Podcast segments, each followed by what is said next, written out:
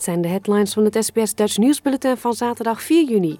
Russische invasie duurt langer dan 100 dagen. Autoriteiten Hongkong sluiten Victoria Park en koningin Elisabeth ontmoet Australiërs van het jaar.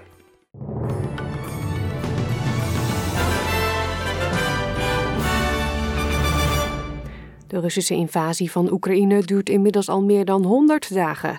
Hoewel de strijd langer duurt dan vooraf gedacht, herhalen westerse autoriteiten de boodschap van Oekraïense functionarissen dat het op een dag de oorlog zal winnen.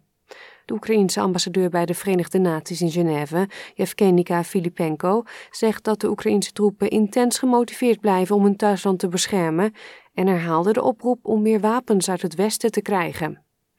De VN schat dat door de oorlog al meer dan 4000 doden zijn gevallen, waaronder 242 kinderen, en dat meer dan 5000 mensen gewond zijn geraakt. Maar er wordt vanuit gegaan dat het echte aantal veel hoger ligt.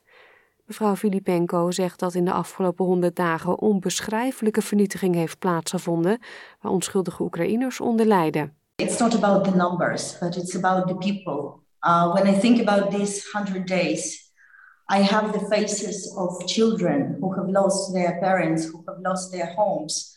I see the faces of their mothers who had to, to flee to flee their homes from, from Russia's Russia's attacks. I see the impressions, the facial impressions of suffering of each and every Ukrainian. De Russische president Vladimir Poetin heeft ontkend dat Moskou Oekraïnse havens verhindert graan te exporteren. Hij zegt dat de beste oplossing zou zijn om het graan via Wit-Rusland te verzenden, maar dan moeten de sancties tegen dat land wel worden opgeheven.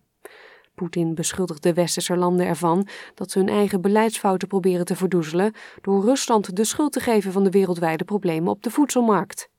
De Russische president noemde de berichten over de Russische exportverbod een bluff. 20 miljoen ton. It's not us who mined the routes to the port. Ukraine did it. I told it a number of times. The Ukrainians should demine the port so the vessels can be able to leave the port. We guarantee that the vessels will pass safely without any problems. De autoriteiten hebben Victoria Park in Hongkong gesloten in een poging een jaarlijkse herdenking van de Tiananmen-protesten 33 jaar geleden op het plein van de Hemelse Vrede in Peking stil te leggen. Het Leisure and Cultural Service Department van de regering van Hongkong kondigde de tijdelijke afsluiting aan. Tientallen politieagenten verschenen later in het park, wandelend over de voetbalvelden, waar de afgelopen decennia elk jaar tienduizenden mensen vreedzaam samenkwamen om het lijden van de Chinezen in 1989 te gedenken. Deze inwoner van Hongkong zegt dat het vieren van de verjaardag dit jaar anders zal moeten gebeuren. I think that lighting a candle is very meaningful, but because of the restrictions here at this venue, I don't think that I can light a real candle. The feeling of a real candle is really different. The heat, the smoke, you can smell it. De autoriteiten van Hongkong hebben de vreedzame bijeenkomsten in 2020 en 2021 verboden vanwege COVID. De meeste organisatoren van eerdere vreedzame herdenkingen in Hongkong zitten nu in de gevangenis. De Chinese minister van Buitenlandse Zaken Wang Yi heeft een ontmoeting met de president en voormalig president van Oost-Timor tijdens zijn laatste stop van een tiendaagse diplomatieke ronde door de Stille Zuidzee.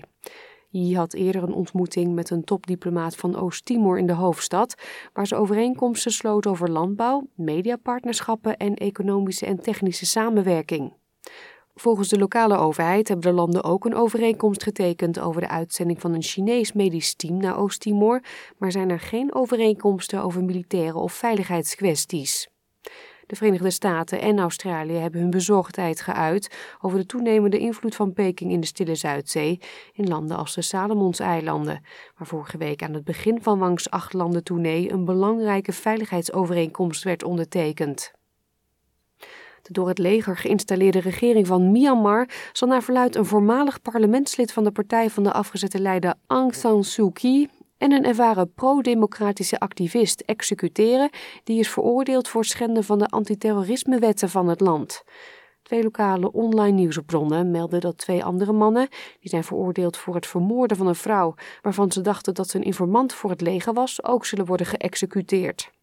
Een woordvoerder van de regering zou het nieuws over de ophanging hebben bevestigd nadat de hoge beroepen van de vier burgers waren afgewezen. Wanneer de executies zullen plaatsvinden is nog niet bekend. Koningin Elisabeth heeft via een videoverbinding een ontmoeting gehad met de Australiërs van het jaar 2022.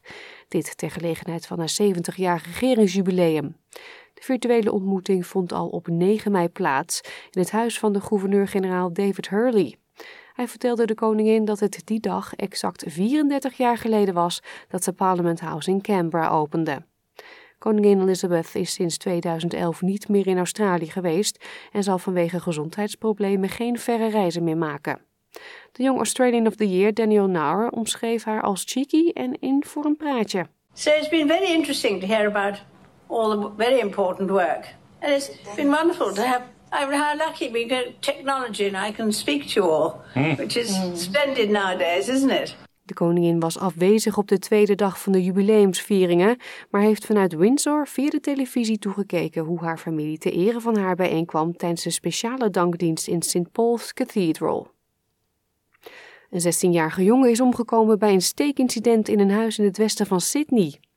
Hulpdiensten werden zaterdagochtend vroeg naar het Ropes Crossing huis geroepen, waar ze de jongen aantroffen met een steekwond.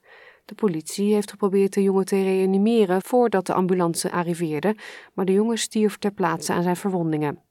Rechercheurs van het Mount Root Police Area Command doen nu onderzoek, bijgestaan door een team rechercheurs van de staat van de afdeling moordzaken. Een in Australië gevestigd bedrijf heeft een boete van meer dan 10.000 dollar gekregen na het kopen van duizenden COVID-19 snelle antigeentests uit het buitenland. De Australische regelgevende instantie voor geneesmiddelen, de Therapeutic Goods Administration, heeft de persoon vier boetes opgelegd voor het onrechtmatig importeren van 13.500 sneltests. De TGA heeft officieel 47 soorten testkits goedgekeurd voor thuisgebruik in Australië en deze tests zouden niet in het register hebben gestaan toen ze werden geïmporteerd. Ze zijn aan de internationale grens in beslag genomen en zullen niet op de Australische markt worden vrijgegeven.